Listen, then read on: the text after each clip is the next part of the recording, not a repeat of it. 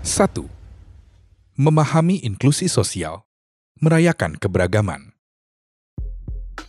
Every person, regardless of whatever different abilities they may have, can contribute, can be a source of joy, and can beam with pride and love.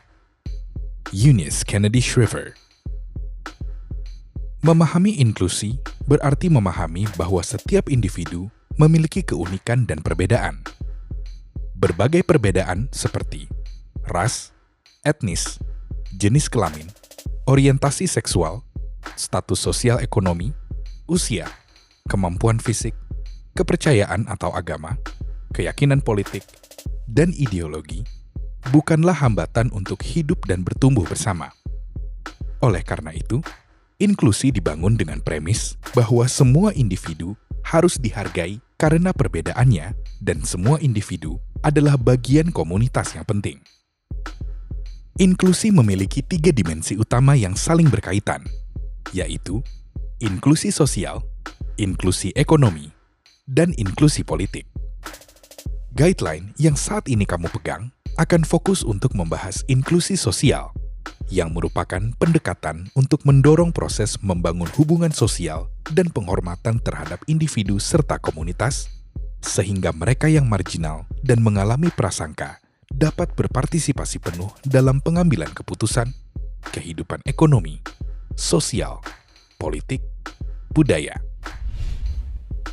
Inklusi sosial versus eksklusi sosial.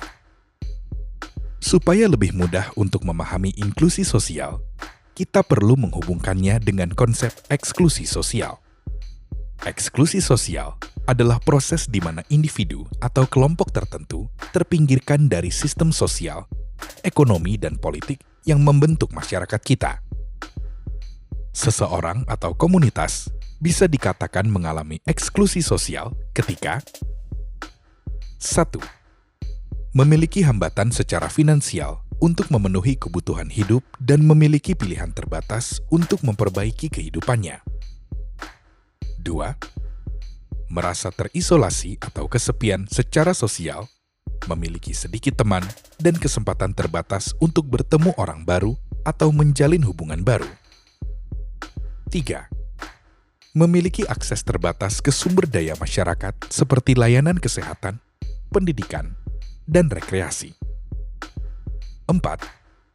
Tidak memiliki pengaruh atas keputusan yang mempengaruhi hidupnya.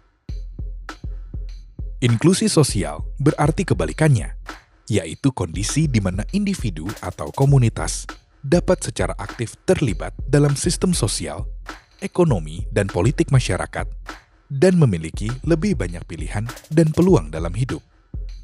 Inklusi sosial terjadi ketika setiap orang diterima dan diakui sebagai individu secara independen, memiliki hubungan pribadi dengan keluarga, teman, dan kenalan, terlibat dalam kegiatan rekreasi ataupun kegiatan sosial yang berhubungan dengan orang lain, memiliki akomodasi hidup yang sesuai, memiliki pekerjaan, memiliki dukungan formal dan informal yang sesuai.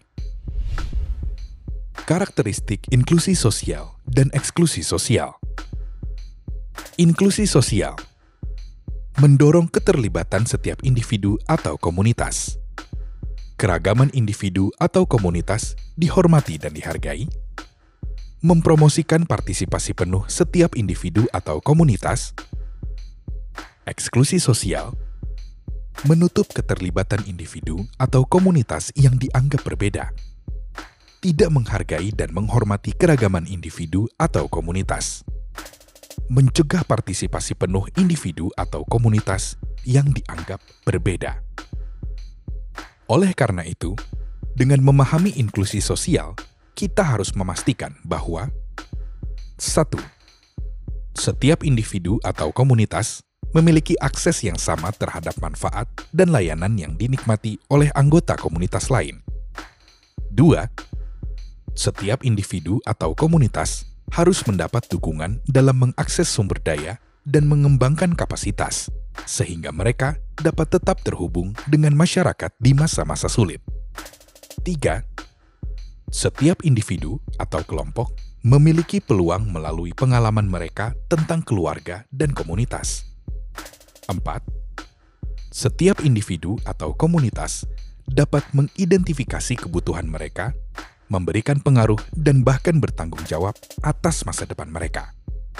Ini termasuk mempengaruhi pembuat keputusan tentang bagaimana layanan harus dirancang dan diberikan kepada mereka.